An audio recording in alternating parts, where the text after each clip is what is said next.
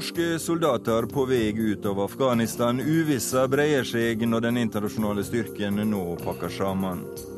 Det amerikanske partilandsmøtet er over og valgkampen i gang. Den skitne varianten er ganske effektiv. Putins store Russland-plan smuldrer opp. Dødelig bilsex ryster maktkampen i Kina, og pastoren bak de spektakulære massebryllupene er død, men forretningsimperiet lever. Dagens ord er Bilbao-effekten, og kodespråk og uforståelige forkortinger er tema i korrespondentbrevet. Dette er Verden på lørdag.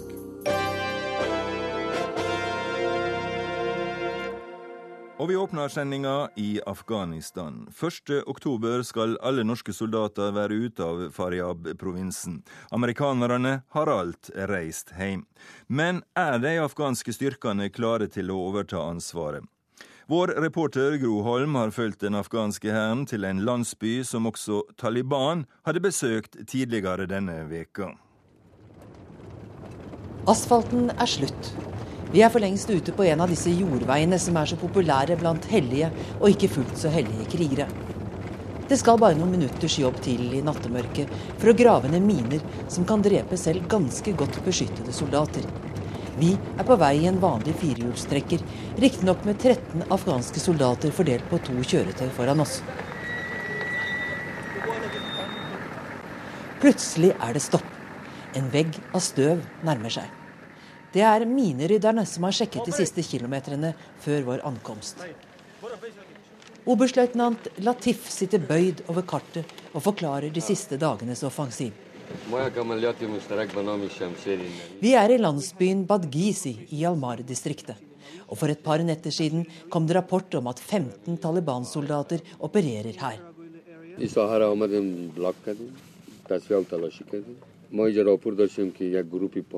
går stengte vi av området for gjennomsøking. Men Taliban opererer i små grupper og klarte å unnslippe nordover før vi kom, forteller øverstkommanderende Abdul Latif, der vi sitter på klappstoler rundt noe som minner om et campingbord i skyggen av afghanske militærkjøretøy. Mens han forklarer over kartet, står en gruppe norske soldater på en kolle nesten demonstrativt tilbaketrukket 100 meter unna. Det er en høyteknologisk forsamling. For enda i noen få uker bidrar nordmennene med etterretning, fly og bakkestøtte. Nordmennene kan ikke få sagt ofte nok at her er afghanerne i førersetet. Men de fleste bilene som deltar i søk og klarering på høydene over, er norske, så vidt vi kan se. Likevel, noe er endret fra starten av Nato-operasjonen i Afghanistan. Fulgt av en flokk geiter er det afghanerne som patruljerer fra hus til hus inne i landsbyen. Den norske operasjonsledelsen observerer på avstand. Og det er bare den afghanske øverstkommanderende som snakker under møtet med landsbyrådet.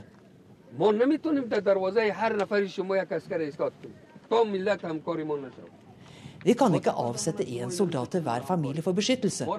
Vi ber dere om å støtte oss. Hjelp oss, sier oberstløytnant Latif foran noen titalls menn i alle aldre. De fleste sitter på huk der i skyggen av et jordhus. Natta før var Taliban her, og dere ga dem mat, refser Latif. De er løgnere, de krever inn skatter av dere, de ødelegger for dere, fortsetter han. Her er det krig hver eneste dag, vi må slutte å slåss, Alt det dårlige kommer fra krigen, sier kommandanten. Han viser, riktignok ikke helt sannferdig, til at de utviklede landene har hatt fred i 100 år. Derfor kan de planlegge å bosette seg på andre planeter, mens vi er ute av stand til å leve på vår egen lille jordklode, sier han. Jeg klarer ikke å vurdere om budskapet går hjem, men jeg er i alle fall overbevist om at dette er et språk norske soldater ikke kunne ha brukt. En gammel mann i grå kjortel tar ordet. Vi er fattige bønder, vi pleide å ha vanningsanlegg, nå er vi avhengig av regnet, klager han. Latif svarer med både et løfte og en trussel.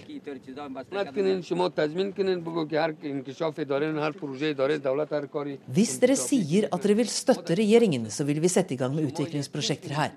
Sørg nå endelig for at dere får det. Men hvis dere ikke støtter oss, er ingen villige til å ofre noe for dere. Vi ber dere om å hjelpe. Slik snakker en afghaner til sine egne når han vil vinne hjerter og sinn. Virker det? Jeg vet ikke. Akkurat nå er sikkerheten i den provinsen nordmennene forlater så dårlig at norske borgere frarådes å bevege seg utendørs uten væpnet sikring fra Nato-styrker. Men snart er det ingen nordmenn igjen, heller ikke journalister.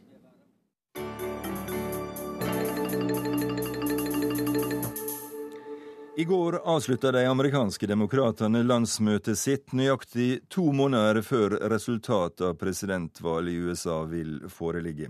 I mellomtida skal både president Barack Obama og utfordreren Mitt Romney reise land og strand rundt for å møte velgere og sanke stemmer, med, med håp om å vinne maratonløpet de neste 60 dagene.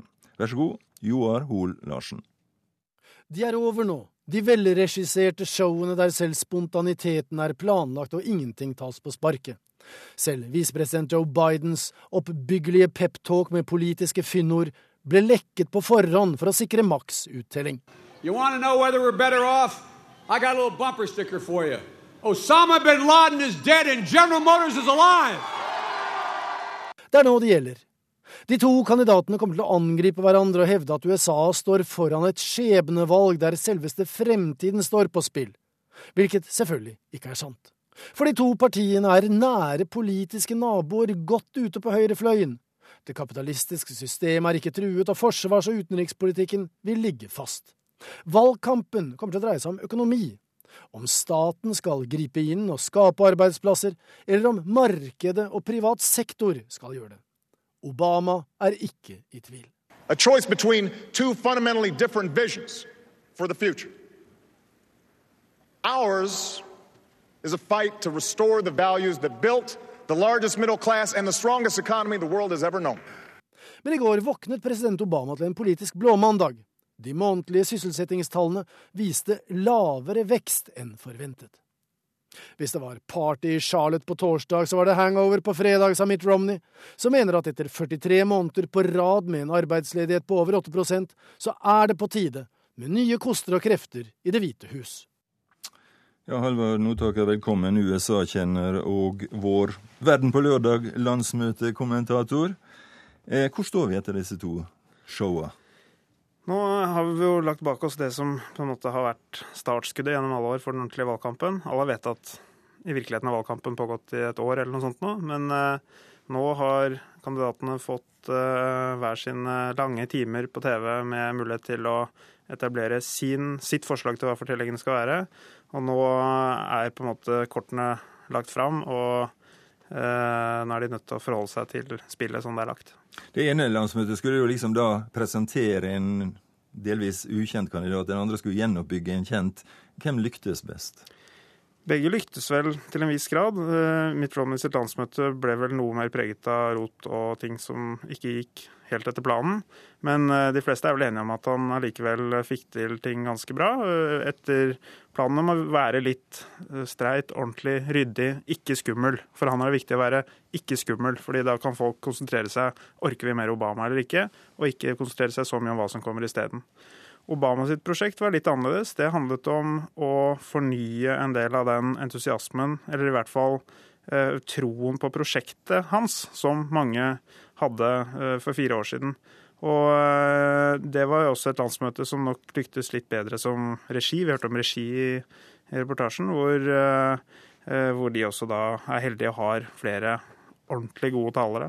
Så begge fikk vel en del av det de ville ut av landsmøtene, tror jeg. Begge fikk mye TV-oppmerksomhet. Hvor, hvor, lenge varer denne landsmøteeffekten? Nei, Det er jo sånn som, som det sitter uh, statistikere og statsvitere og lager kurver for, som, som, viser seg å treffe brukbart hver gang. Men det varierer jo, og det er jo for tidlig å si hvordan det slår ut for Obama, for det tar noen dager før dette uh, gjør seg gjeldende på meningsmålingene. Uh, det som det er jo en sånn slags kortsiktig effekt som gir seg litt etter hvert. Eh, den følelsen som kanskje landsmøtet skaper der og da hos velgerne. Det viktigere på lang sikt er at disse landsmøtene eh, gjør noe med rammen for hva man skal tenke på senere. Altså at de, de skyver på en måte eh, forståelsesrammen hos velgerne, og også hvordan man tenker om sin egen rolle. Det var viktig for Obama. Folk har fjernet seg fra han. De var entusiastiske og hadde en slags sånn sterk identitetsopplevelse nesten av å velge han for fire år siden. Og et viktig øyeblikk i talen hans var da han sa at dette handlet jo ikke om meg, det handlet om dere.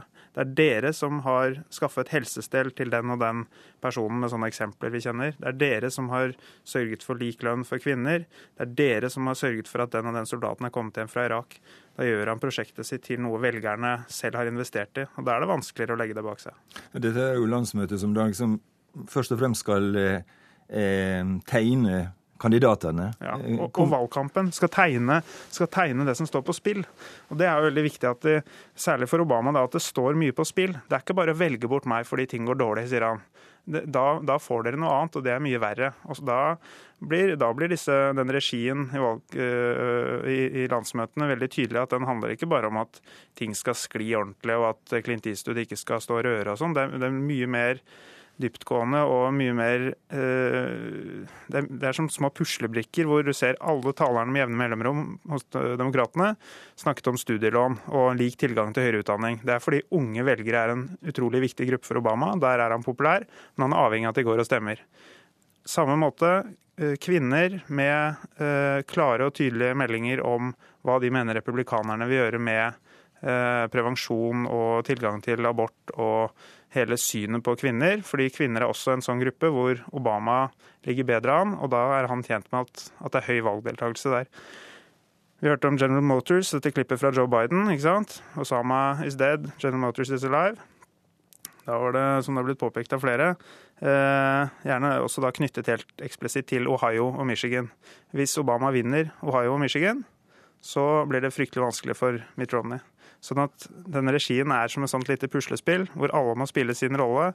Eh, alt er beregnet på et publikum, gjerne ut fra en matematisk formel de har for hvem som må gå og stemme for at man til slutt skal få de og de og de delstatene.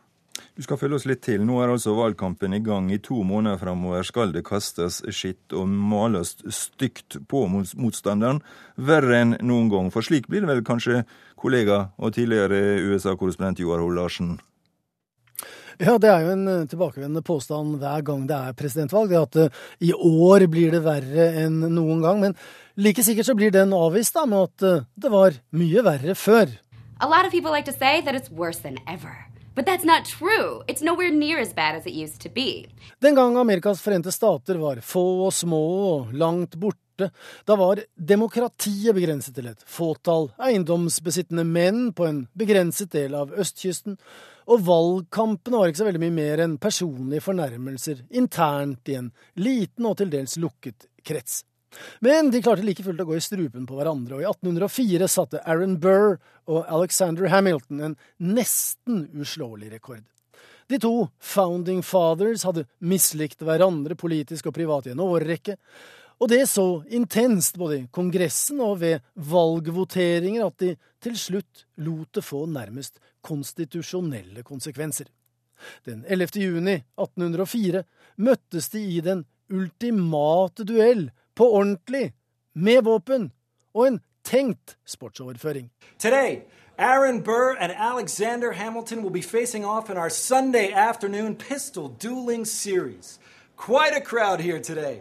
Nothing like a little blood and violence to bring out the family on a Sunday afternoon. Hamilton var tidligere finansminister og sentralbanksjef. Burr var USAs visepresident. Burr vant duellen, og Hamilton døde. Uten at det fikk noen konsekvenser for Burr. Ikke akkurat negativ campaigning, men såpass negativt at det er lite som kan måle seg med dette i amerikansk politikk i dag, selv om Romney er skuffet over Obama. His campaign and the people who support him have launched a, a series of vitriolic, vituperative attacks on a personal basis. Really. Ingen amerikansk presidentkandidat har noensinne krevd eller lovet mer negativ valgkamp. Alle kandidater har tvert imot lovet velgerne at det skal bli bedre, man skal vise hverandre mer respekt og unngå nedsettende og sårende beskrivelser osv. Så når dette skjer om igjen og om igjen, så skylder de på staben, på utenforstående, på sympatisører og på reklamefolka. Likevel så gjentar det seg. Dette fremmer ikke debatten, det øker ikke kunnskapsnivået, og det svekker den reelle frihet til å velge fritt, basert på informasjon og kunnskap. Så hvordan kan det skje? Fordi det funker. Skittkasting øker vinnersjansene. For velgerne lar seg påvirke, og med dem valgresultatet. Selv om altså alle vil ha høflighet og dannelse, som er i 2008. This is, this is an extraordinary time. We've got to run a different kind of campaign. So we're not going to go around doing negative ads. We're going to keep it positive. We're going to Men selv om det vil bli mange fornærmelser i de kommende ukene, så vil ingenting nå opp imot, eller kanskje heller ingen vil synke så dypt som i kampanjen i 1828. John Quincy Adams ga full gass og kalte motstanderen Andrew Jackson for morder, fyllik og slavehandler, og beskyldte ham til og med for å være kannibal. So, Den i utgangspunktet så dannet utseendet Mitt Romney har én fordel. For det forventes mer av en sittende president. For selv om han søker gjenvalg og dermed er presidentkandidat, som altså Obama er og gjør, så er han fremdeles president. Han må være statsmann, hevet over andre. Men det skjer ikke alltid. I TV-ens tidsalder blir president Lyndon B. Johnson regnet som den verste, altså den som har gått lengst i negative kampanjeannonser. I en reklame fra 1964 er det et bilde av et brennende kors fra et møte i Ku Klux Klan. Johnson beskriver hva de står for, og hvem de støtter politisk. Hans motkandidat Barry Goldwater. We represent the majority of the people in Alabama who hate niggerism, Catholicism, Judaism, and all the isms of the whole world. So said Robert Creel of the Alabama Ku Klux Klan. He also said, I like Barry Goldwater. He needs our help. Vote for President Johnson on November Men sluggeren fra Texas krysset flere grenser under normale omstendigheter er barn fredet. Ikke bare kandidatenes barn, men barn brukes ikke som politisk virkemiddel i denne type mannjevning. Men rancheieren fra Texas han så stort på det, og lagde kanskje den mest spekulative, negative politiske reklamen i moderne tid. En liten pike i en blomstereng plukker blader av en blomst. Hun teller, og kryssklippes så med en mannsstemme som teller andre veien mens pikeansiktet fryses, og det langsomt zoomes inn mot barnets pupill, som plutselig eksploderer i en stor sopp.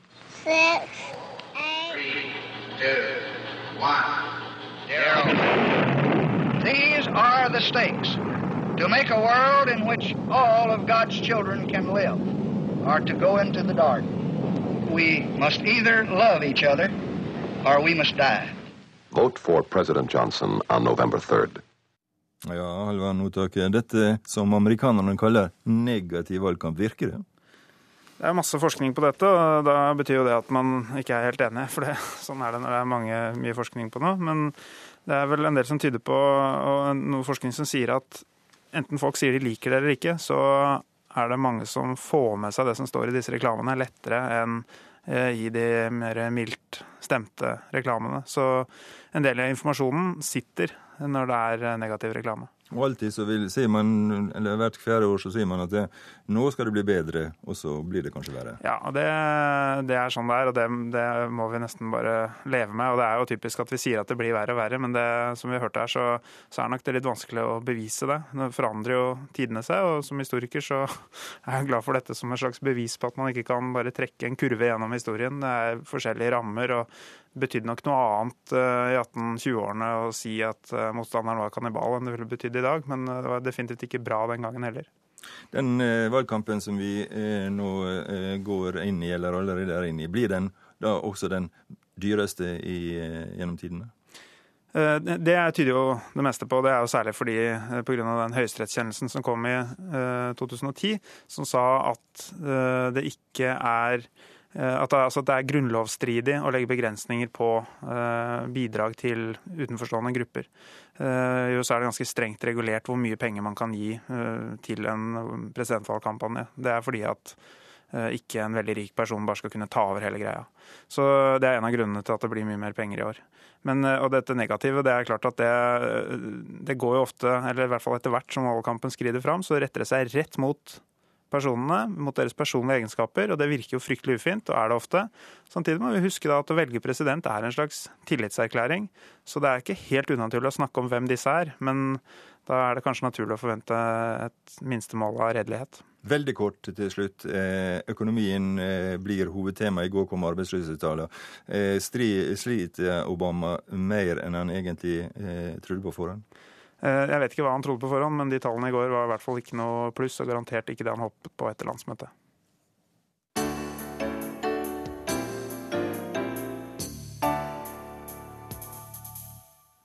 Denne helga arrangerer Russland økonomisk toppmøte i Vladivostok. Toppmøte med statene i Øst-Asia, det såkalte ASAT-samarbeidet.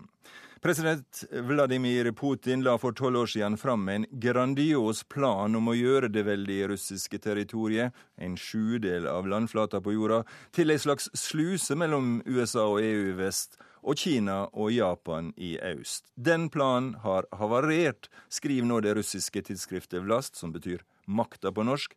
Vi tar inn Hans-Wilhelm Steinfeld fra Moskva. Her i Moskva siger det inn på at den russiske hovedstaden trolig har gått forbi London i folketall, og dermed kanskje er Europas største by. Men Moskva kan se langt etter City of London som økonomisk maktsentrum. Den europeiske delen av Russland er langt, langt mindre i utstrekning enn den delen av Russland som ligger i Asia. For grensen går ved Uralfjellene, Øst for Ural er Sibir alene tre ganger større enn Folkerepublikken Kina. I Sibir ligger 70% av de russiske naturrikdommene. Da Vladimir Putin ble president for tolv år siden her i Russland, så han for seg dette verdens største land i geografisk utstrekning som selve kontaktslusen mellom økonomiene i USA og EU i vest, og Kina, Japan og de andre statene i Øst-Asia på den andre siden. Men bare 1% av importen til statene i Øst-Asia fra vest går gjennom Russland, skriver det politiske ukebladet Vlast nå, og føyer til at Nordøstpassasjen til havs nord for Russland overhodet ikke brukes til slik frakt. I 15 år har russerne nølt med å bygge et skikkelig gassrør til Kina. Det er fortsatt ikke lagt noe slikt rør. Kina har mistet interessen og vil fra 2020 ha gjort seg fri fra behovet for gassimport fra Russland, skriver Avlast. i runde diplomatiske former, sier Russlands utenriksminister Sergej Lavrov dette om prioriteringene i det økonomiske samarbeidet mellom Russland og statene i Øst-Asia nå углубление экономической интеграции, дополнительные меры по обеспечению продовольственной безопасности, шаги по совершенствованию транспортно-логистических цепочек в регионе – Eh, Liberalisering av handels- og lisensregime, dypere integrasjon, tiltak for bedret matsikkerhet og skritt for å bedre transport og logistikk i området, lister Sergej Lavrov opp når det gjelder Assad-samarbeidet. Til det siste punktet har russerne lite å skryte over. Tidsskriftet Vlast skriver at en delegasjon fra Hongkong nylig besøkte Vladivostok og var sjokkert over hvor skrøpelig det står til i Russlands viktigste havn på Stillehavskysten. Den kjente økonomen Ruslan Khaspolatov, en gang parlamentsformann her i Russland og nå medlem av Vitenskapsakademiet, legger til at Russland har lite å bidra med i den asiatiske sammenhengen utover salg av olje og gass. Vi importerer jo allerede selv alt fra blyanter til notatblokker, sier Khaspolatov. Samtidig har statsminister Dmitrij Medvedev denne uken tatt til orde for å bedre Russlands rykte i utlandet for å gjøre landet mer tiltrekkende for utenlandske investorer. I juli ble Russland fullt medlem av Verdens handelsorganisasjon WTO, og det skulle ha hjulpet på veksten i russisk samhandel med utlandet. Men sommeren vi har bak oss, førte bare til at Statoil trakk seg fra samarbeidet med russiske Gazprom på Stokmann-feltet. Russiske myndigheter somlet seg aldri til å fastsette et skatteregime som kunne gjort Stokmann-investeringen mulig. Også BP har kjempeproblemer med å komme seg ut av et samarbeid i Karahavet som president Putin inviterte det britiske oljeselskapet til i fjor vinter. WTO kritiserte Putin i sommer for å bruke for mye oljepenger i statsbudsjettet, men så lenge oljeprisen er på over 115 dollar fatet, kan Vladimir Putin tillate seg det.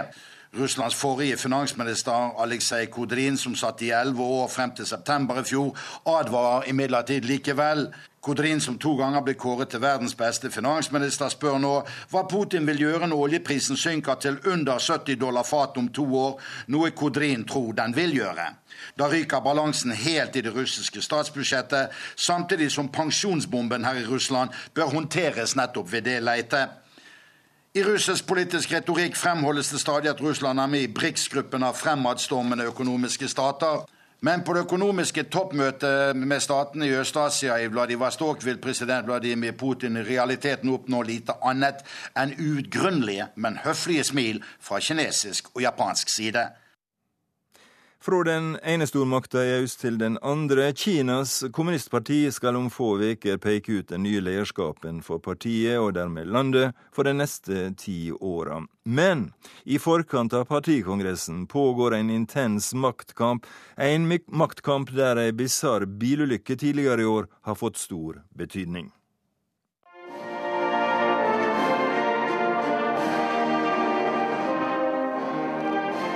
Internasjonalen slik den lød utover Folkets store hall i Beijing for fem år siden, da kommunistpartiet holdt sin forrige kongress. Om få uker er det partikongress igjen, og de mer enn 2000 delegatene vil reise seg og stemme i denne aller viktigste sang for kommunister over hele kloden. Internasjonalen starter med denne teksten. Opp alle jordens bunne treller, opp i som sulten knuget har. Men det er lenge siden noen av delegatene har kjent sulten knugen. Tvert imot nyter partimedlemmer en helt annen luksus og levestandard enn folk flest i det sosialistiske Kina. De kinesiske kommunistene har tatt klassekampen på alvor, på den måten at partimedlemmene og deres familier i dag utgjør den absolutte overklassen i landet, med en rikdom og privilegier andre bare kan drømme om. Og hvert femte år feirer de partiets allmakt på Kongressen med lange taler og pompøs musikk.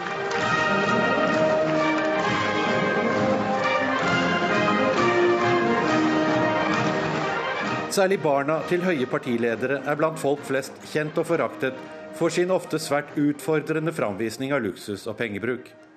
På kinesisk folkemunne har de fått sitt eget navn Fu Ar Dai, den rike annengenerasjonen.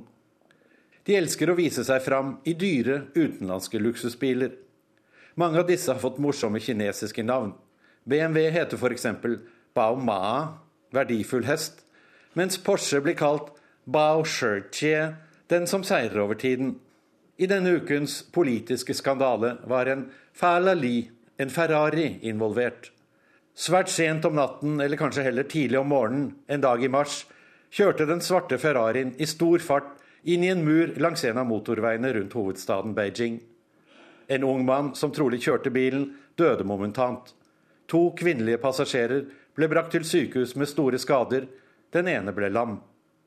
En svært tragisk trafikkulykke. Men den førte raskt til et absurd seksualpolitisk drama i Kinas øverste politiske kretser. Kort tid etter krasjet fikk Kinas internettsensorer i oppdrag å fjerne mulighetene for å søke på ordene Ferrari og bilsex. Likeledes ble alle bilder som publikum hadde tatt ved ulykkesstedet, slettet fra nettet. Likevel begynte ryktene straks å surre, både på kinesiske mikroblogger, men også innad i kommunistpartiets aller øverste sirkler. Her ble det fortalt at en av de unge kvinnene ble funnet naken på ulykkesstedet, mens den unge mannen og den andre kvinnen var halvnakne. På den øverste politiske ryktebørsen antok man at de tre hadde bedrevet en slags avansert sexlek i bilen, høye på en substans som ikke var alkohol, mens Ferrarien raste av gårde i vill fart. Ettersom sensurapparatet slo til så raskt og kontant, antok mange at den drepte unggutten var sønn av en høytstående leder i kommunistpartiet. På kinesiske mikroblogger dukket det opp kritiske innlegg om den dekadente og luksuriøse livsførselen til partielitens barn, og om hvordan i all verden sønnen til en middels godt lønnet tillitsvalgt i kommunistpartiet kunne ha råd til en bil som koster fem millioner kroner. Om det var bevisst tilsløring, vet vi ikke, men ryktene som hadde sitt utspring i partiets sikkerhetsapparat, antydet en annen høytstående leder enn ham som virkelig var faren til den forulykkede. Den utpekte, men uskyldige pappaen gjorde derfor sine egne hemmelige undersøkelser og leverte en rapport om saken til sin velgjører i kommunistpartiet, tidligere partiformann og president i Kina, Jiang Zemin. Fra da av ble dødsulykken en del av det intrigante storpolitiske spillet om hvem som skal styre kommunistpartiet og dermed Kina de neste ti årene.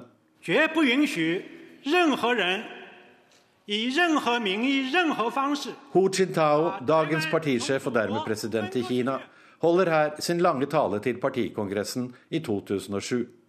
Ved talens slutt klapper delegatene entusiastisk, kanskje fordi talen endelig er slutt.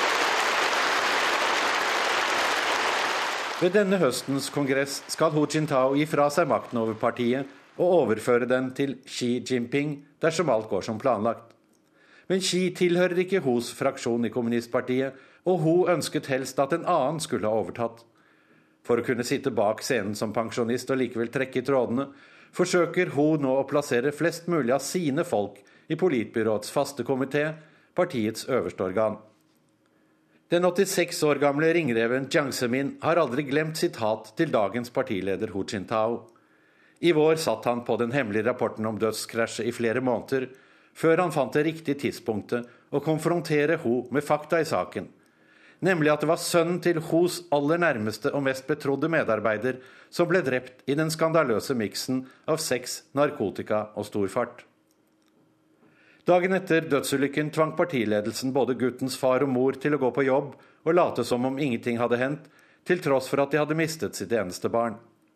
Men da dette spillet ble avslørt, måtte Hos nære medarbeider Ling Chihua likevel forlate sin mektige posisjon som direktør for hovedkontoret til partiets sentralkomité. Og Ho må trolig gi opp sine planer om å få Ling plassert i politbyråets faste komité, som sin egen forlengede arm inn i maktens sentrum, etter at han om få uker selv må gå av. Spillet om posisjonen til den trafikkdrepte ungdommens pappa er bare en del av den voldsomme maktkampen som akkurat nå foregår innad i det kinesiske kommunistpartiet. En kamp som vil føres helt til dørene åpnes for kongressens deltakere, trolig i midten av oktober. Da vil delegatene nok en gang reise seg, velfødde i sine stilige svarte dresser, og avsynge Internasjonalen med linjen om I som sulten knuget har.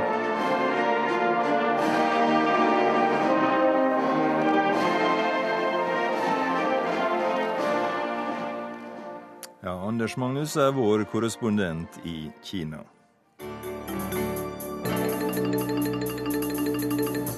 Klokka er 11.35, og du hører på utenrikssendinga Verden på lørdag i NRK P2 og Alltid nyheter. Vi har vært innom Afghanistan og USA, Russland og Kina, og vil nå fortsette å snurre globusen med stans i Mellom-Amerika, Asia og Europa.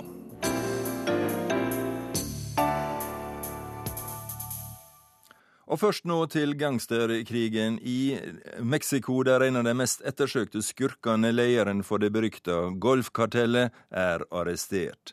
El Gordo, den tjukke som han er kalla, skal være mannen bak store deler av narkotikasmuglinga til USA. Men mafiaen i Mexico er større enn det. Meksikansk politi viser stolt fram sin siste fangst på en pressekonferanse.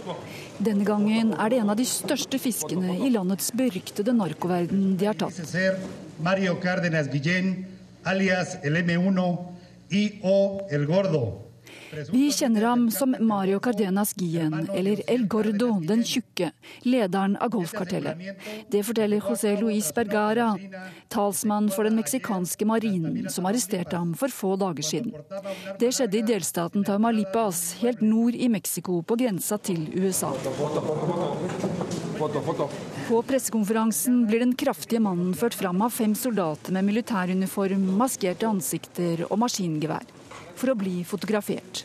El Gordo er en av tre brødre som har vært ledere av Gulfkartellet, et av de største og mektigste kartellene i, i, i Mexico.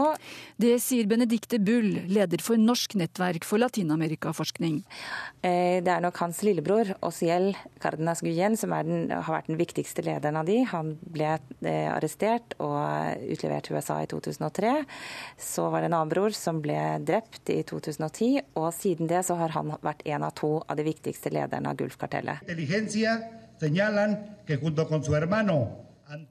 El Gordo ble arrestert med våpen, ammunisjon, penger og fire små plastposer med et hvitt pulver som lignet på kokain. I dag er narkosmugling noe av det viktigste som Gulfkartellet driver med.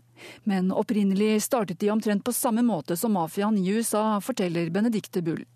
Ja, golfkartellet, eller Forløperen til det som ble golfkartellet etter hvert, ble etablert i forbindelse med forbudstiden i USA. Og det var en etablert smuglerorganisasjon for alkohol til eh, USA. Eh, så øker de sin innflytelse i, i disse områdene ved ikke minst å etablere nære kontakter med myndighetene. Og da eh, Mexico blir det som blir kalt en trampoline for colombiansk kokain til USA, så får de en viktig rolle som en eh, transittorganisasjon for eh, kokainsmugling, først og fremst. Etter hvert også andre typer narkotika. For muchos años, mientras el crimen se fortalecía, el Estado se debilitaba. Etter at president Felipe Calderón satte inn hæren mot de mektige kartellene for seks år siden, er mer enn 60 000 mennesker blitt drept. Mange på bestialsk vis. Nesten ukentlig finner meksikansk politi lik i gatene. Flere av ofrene har blitt halshugd. Samtidig med myndighetenes krig mot kartellene foregår også en kamp mellom de kriminelle organisasjonene for å få kontroll over de lukrative smuglerrutene til USA. Gulfkartellet var i utgangspunktet en hovedfiende til Sinaloa-kartellet. Gulfkartellet fra østkysten, Sinaloa fra vest. Men hele denne dynamikken har endret seg og blitt fragmentert de siste årene. Og Gulfkartellet etablerte en gruppe leiemordere kalt Los Zetas, som etter hvert løsrev seg og ble kanskje Mexicos mest brutale og mektigste kartell. Nå står krigen først og fremst mellom Gulfkartellet og Los Zetas. Og i disse krigene som de har vært ført, så har det blitt brukt ekstrem vold på, fra begge sider. El Gordo ble vist fram for pressen, på samme måte som de andre lederne myndighetene klarer å arrestere. Spørsmålet mange stiller seg, er om dette bare er et propagandashow fra politiets side, eller om arrestasjonene er et viktig skritt på veien til å knekke de brutale organisasjonene og volden som følger i deres kjølvann. Det er en slags sånn propagandakrig som pågår i, i Mexico, og Felipe Calderón, presidenten som er på vei ut, ønsker nå å sikre sitt ettermæle. Han vil vise at han har klart å snu denne utviklingen i Mexico. Men det er mye som tyder på at eh, det har han egentlig ikke. Det sa Benedicte Bull, reporter Inger Marit Kolstad-Bråten. Og vi holder oss i det spansktalende. I neste måned er det 15 år siden Guggenheim-museet i Bilbao åpna. Museet som er blitt et begrep og forbilde verden over, og som har skapt begrepet Bilbao-effekten. Ann Stefansen er i Bilbao. Det står som et glitrende fantasiskip i sentrum av byen, og det har forandret mye. Guggenheim-museet her i Bilbao er et av de mest omtalte og beundrede byggverk i verden de siste tiårene, og det er symbolet på en kultursatsing som ble mer vellykket enn noen våget å håpe på.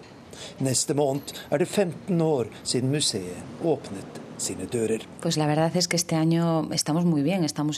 Det går veldig bra med oss, sier Guggenheim-museets talskvinne Marga Meoro. Og vi er overrasket over at vi, midt i en dyp økonomisk krise her i Spania, kan se tilbake på den tredje beste sommersesongen i museets historie, med mer enn 290 000 besøkende. En av grunnene er at mange spanjoler dropper utenlandsreisen og tilbringer sommerferien i eget land fordi de har mindre penger. Og en god del av dem velger Bilbao og Guggenheim som reisemål, sier hun.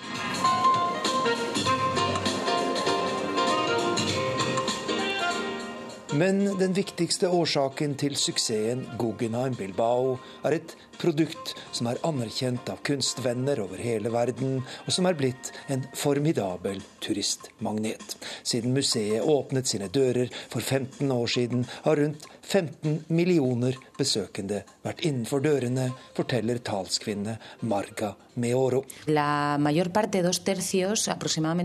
Nesten to tredeler av gjestene våre kommer fra utlandet. Det betyr at de legger igjen mye penger, i form av reisekostnader, overnatting, måltider osv. Og, og det økonomiske utbyttet for byen og næringslivet er enormt. De fleste av gjestene kommer fra land som Frankrike, Storbritannia, Tyskland og USA. Men japanerne er også i ferd med å bli en stor besøksgruppe, sier talskvinnen.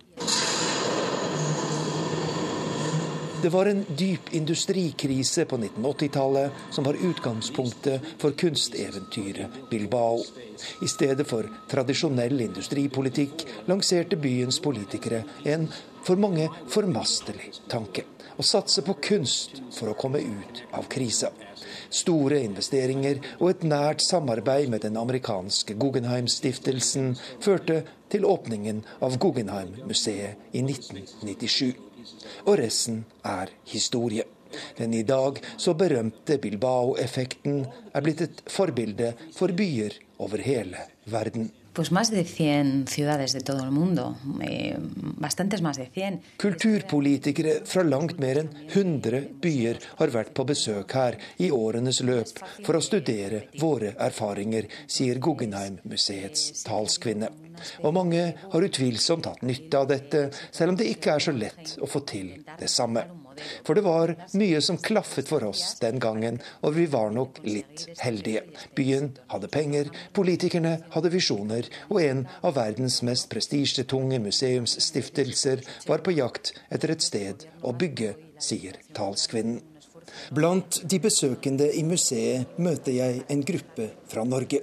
Og for Jorunn Melberg fra Stavanger er det spennende å sammenligne når hjembyen hennes åpner sitt store konserthus neste helg.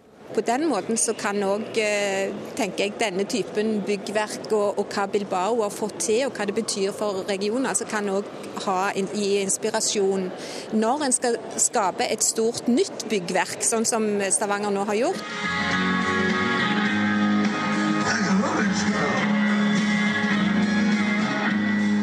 Guggenheim Bilbao fyller 15 år og slår på stortromma i jubileumsåret. I juli var legenden Bob Dylan på besøk og ga konsert for 7000 tilhørere med museet som praktfull kulisse. Og de siste ukene har titusener av kunstvenner gledet seg over høstens store separatutstilling. Fargesprakende landskapsbilder fra Storbritannias største nålevende maler, David Hockney. Det gir rystelser i kunstens verden når en gigant som Guggenheim-museet her i Bilbao fyller år.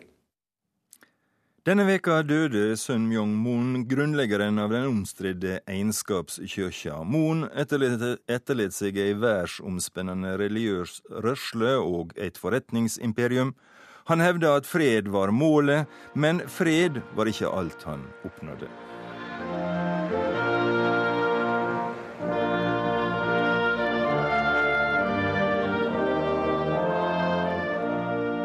Massebryllup var det pastor Sun Myong-moon og Enhetskirken ble mest kjent for. Mange tusen mennesker ble viet samtidig, og noen ganger måtte kjempestore stadioner tas i bruk for å få plass til alle.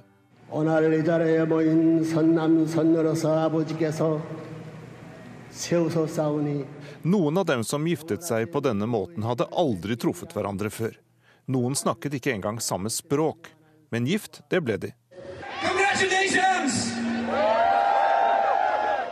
For pastor Moen mente at ekteskap var det beste middelet til å skape fred mellom mennesker. Og det var den beste måten å øke antallet kirkemedlemmer på. Han hevdet selv at Enhetskirken hadde millioner av medlemmer verden over. Kritikerne mener at det bare dreier seg om 100 000.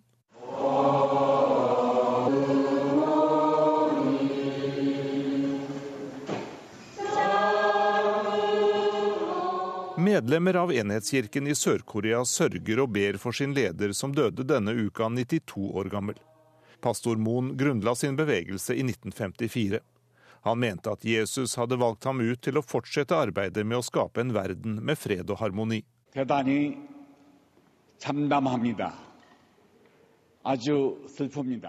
Pastor Moon var vår alles far. Han kom til jorda som en Messias. Han måtte fullføre sin oppgave, sier pastorens tidligere rådgiver Bi Hi-pak.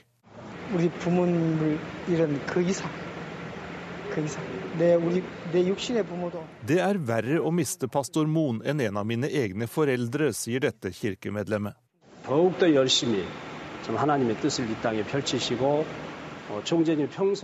Kirkemedlemmer over hele verden vil be å gi finansiell støtte til kirken i denne vanskelige tiden, sier Ann Ho Yeul, som leder Enhetskirkens PR-avdeling. Moon became a wealthy man. Convicted of tax evasion in the 1980s, he spent 11 months behind bars. Parallelt med den religiøse bevegelsen bygde Moon også opp et internasjonalt forretningsimperium. Enhetskirken eier avisa The Washington Times, nyhetsbyrå United Press International, en helikopterfabrikk og fotballklubber i Brasil og Sør-Korea. Kirken kontrollerer også de viktigste leverandørene av fisk til sushirestauranter i USA. På 1980-tallet måtte pastoren og forretningsmannen sone elleve måneder i fengsel for skatteunndragelser, men det la ingen demper på hans virksomhet.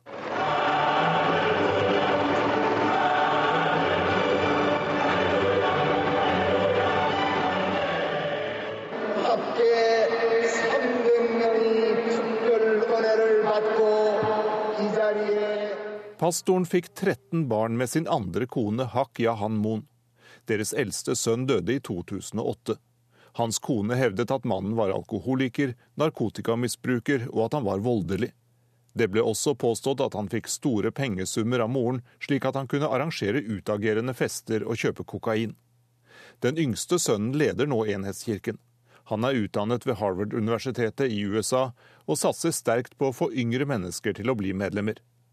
En annen av sønnene er også utdannet ved USAs beste universiteter, og leder kirkens forretningsvirksomhet. Han eier også en amerikansk våpenfabrikk. En av døtrene fortalte i et TV-program at Moon-familien har en formue på nesten én milliard amerikanske dollar. En annen datter sier at hun ikke lenger vil ha kontakt med foreldrene. Innad i familien har det også vært livlige krangler og søksmål om penger og andre verdier. Det er virkelig ikke en enkel oppgave å skape fred og harmoni her i verden. Sa Jan Espen Kruse. Så åpner vi korrespondentbrevet fra Anders Tvegård i Washington. P3 mener MR er viktigst, og vil presse på i SR. Det er en da Vinci-kode for uinnvidde. Men enda verre, det er sånn de snakker i visse kretser. Sjargongene og forkortelsene er mange og kronglete. Ofte står du der som et spørsmålstegn inntil du får klarhet i hva som nettopp ble sagt. Akkurat som SMS-språket. Jeg fikk en melding der det sto LOLX1000. Først trodde jeg det var spam. Her i USA tikker det mange uønskede meldinger inn på mobilen, og helst når det passer dårligst. Tilbud om lån fra ukjente kredittinstitusjoner, og meldinger om at jeg har vunnet 10 000 dollar om jeg bare svarer på SMS-en, f.eks. Men LOL X1000 er et slags stammespråk, det også. En internettsjargong som brukes selv av generasjoner som først nylig oppdaget sosiale medier. Man glemmer fort at ikke alle snakker samme språk. Det tok meg noen sekunder å deschiffrere.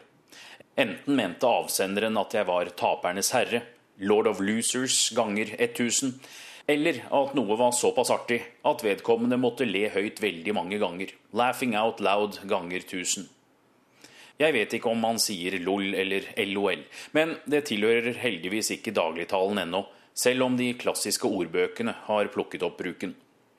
P3 er derimot ikke en radiostasjon.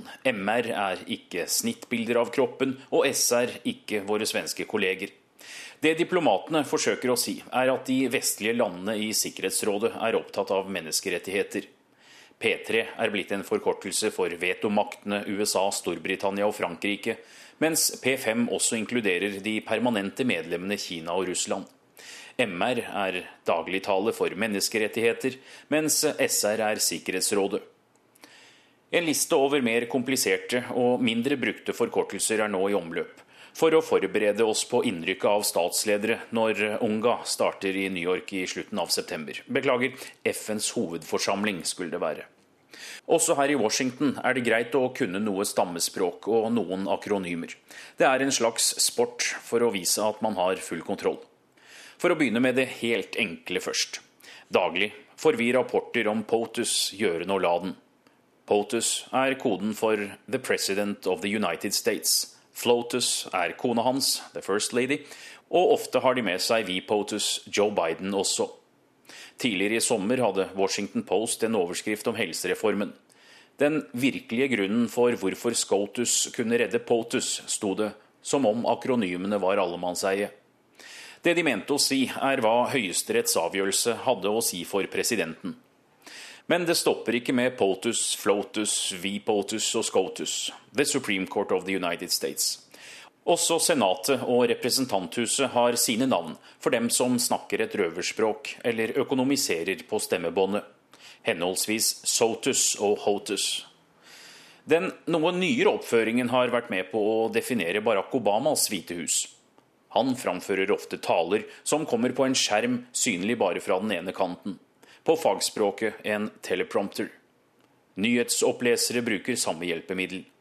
Det gjør at man kan holde blikket relativt fast inn i kamera, eller se utover en forsamling uten å måtte improvisere for mye eller ty til notatblokka etter annenhver setning. Den perfekte installasjonen for nervøse onkler og tanter som så gjerne vil si noe kort og konsist i festtalene. Totus er alltid med POTUS når viktige budskap skal framføres. The teleprompter of the United States ble senest brukt under landsmøtetalene. Clint Eastwood lot eh, teleprompteren hvile. Det reddet dagen til eh, talkshow-vertene. Hollywood-ikonet med sandpapirrøsten har til og med blitt det nyeste verbet etter den høyst utradisjonelle opptredenen på republikanernes landsmøte. Eastwooding trender på Twitter. Folk tar bilder av seg selv pekende mot eller snakkende til en tom stol. Eastwood startet det hele. Han hadde et slags fantasiintervju i rundt ti minutter uten manus med presidenten, som liksom skulle sitte på den tomme stolen han hadde tatt med på scenen. Ifølge samtalen de to hadde, var Obama i dårlig humør. Han ba Eastwood holde munn flere ganger, og de fleste som hørte på, tolker det også dit hen at Obama ba Eastwood overbringe Mitt Romney beskjed om å utføre seksuelle handlinger med seg selv. Alt dette i beste sendetid på de fleste nettverkene her, rett før Romney skulle ta imot nominasjonen som presidentkandidat. Om ikke annet var det et avbrekk i en kveld med mye politikk, og Eastwooding har også blitt det store samtaleemnet. Hun tar ut sneipen, blåser røyken opp i panneluggen og sier Jeg er så takknemlig for at Mitt Romney valgte Paul Ryan som visepresidentkandidat. Det gir Obama en god sjanse til å bli gjenvalgt. Min alltid røykende nabo Barbara er demokrat og allerede mett på valgkamp. Etter landsmøtene har ingen av kandidatene klart å endre noe særlig på inntrykket amerikanerne allerede har av dem, bortsett fra Rhinoen Romney, bemerker Barbara. Rhino er uttrykket som brukes som den som mistenkes bare for å være republikansk på papiret. Republican in name only. Hun mener den republikanske politikken dras enda mer til høyre med Ryan som kompanjong. Det blir en reise til fortida, ikke framtida, sier hun. Barbara gjorde litt research selv da hun tilbrakte sommeren på hytta si i Massachusetts. Hun spurte den nærmeste kretsen hvordan Romney var som guvernør. Han var ikke ille, men heller ikke veldig bra, er inntrykket hun sitter igjen med. Men nå har den presidenthåpfulle tatt side, og det med de konservative i partiet. Fornøyd med Obama er Barbara heller ikke. For mye prat, lite innhold, en stor skuffelse. Han klarer ikke lese Kongressen og ta styringen over viktige spørsmål. En moden og modig president tar beslutninger.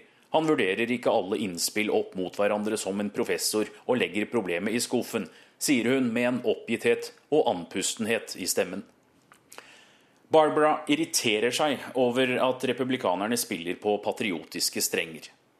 De varslet allerede for et par år siden at de ville stanse Obamas lovforslag i Kongressen. Hva er patriotisk med det? Det er bare ondskapsfullt å blokkere vedtak som kan føre til arbeidsplasser og mer velstand. Hun viser til Senatets mindretallsleder Mitch McConnell, som med et fårete glis uttalte hos Heritage Foundation i desember 2010 at republikanernes førsteprioritet skulle være å hindre en ny periode. Min stemme blir anti-Romney. Langt fra en stemme for Obama. Langt fra en anerkjennelse av presidentens innsats. Vi har ikke mer i lommeboka enn for fire år siden, sier Georgetown-frua. Men fundamentet er bedre, og en ny mann vil rive ut det vi har startet å bygge. Partienes landsmøter avgjør ikke valg, selv om medieinteressen skulle tilsi noe annet. Det er politikkens gallaaftener på fjernsyn, ment for å fyre opp basen og gi dem mer ammunisjon i ukene framover gi sin framstilling av den amerikanske drømmen. Det var entusiasme, krigstaler, skittkasting og velregisserte opplegg både hos republikanerne i Tampa og demokratene i Charlotte. Spørsmålet er hvilken effekt de får ut av det. Noen kommentatorer har tenkt høyt om jubelen hos republikanerne var rettet mot presidentens feilslåtte politikk og ikke deres egen kandidat. De samme har spekulert i demokratenes beslutning om å holde president Obamas tale innendørs framfor på den planlagte fotballstadion. Den konservative radioverten Rush Limbo fyrte løs, ikke helt uventet, og sa at Obama aldri ville klart å fylle stadion med 65 000 mennesker. Obama var redd for flere tomme stoler. Det ville ikke demokratene risikere etter Eastwoods opptreden, mente Limbo. Hotellene derimot har ingen problemer med å fylle plassene. Jeg var i Charlotte under forberedelsene og bodde på et middels godt hotell til rundt 110 eh, dollar natta. Under landsmøtet føyk prisen i været, og jeg måtte signere på at jeg skulle sjekke ut før delegatene kom. Da ble nemlig prisen minst femdoblet per natt. Noen av rommene på hotellet gikk også for svimlende 5K, 5000 dollar. Ikke rart økonomi er den viktigste kampsaken her i år. De politiske orienteringsløperne, de uavhengige velgerne, får klarere retninger og veivalg enn på lenge når de skal manøvrere seg fram i det polariserende landskapet. Retten til å stemme står nedfelt i COTUS, The Constitution of the United States, og i dag tør få spå hvem som blir POTUS. I mellomtiden skal jeg bryne meg på den tilsendte lista over diplomatspråk for dummies. FN har i sommer fått en ny SR-eske for SR 1820, fikk jeg høre. Et um, raskt oppslag viser i klartekst at det er snakk om en resolusjon og generalsekretærens fanebærer mot krigsvoldtekter. Ban Ki-moon har også utnevnt Gordon Brown til sin spesialutsending for utdanning. Mulig generalsekretæren også trenger en person til å rydde opp i stammespråket, dersom folkeliggjøring fortsatt er et mål. Og da er utenrikstimen over. Vi som med god hjelp fra kolleger hjemme og ute har styrt verden i land på lørdag, er Lisbeth Sellereite, Tove Nilsen Søtorp og her i studio Gunnar Myklebust. Takk for nå.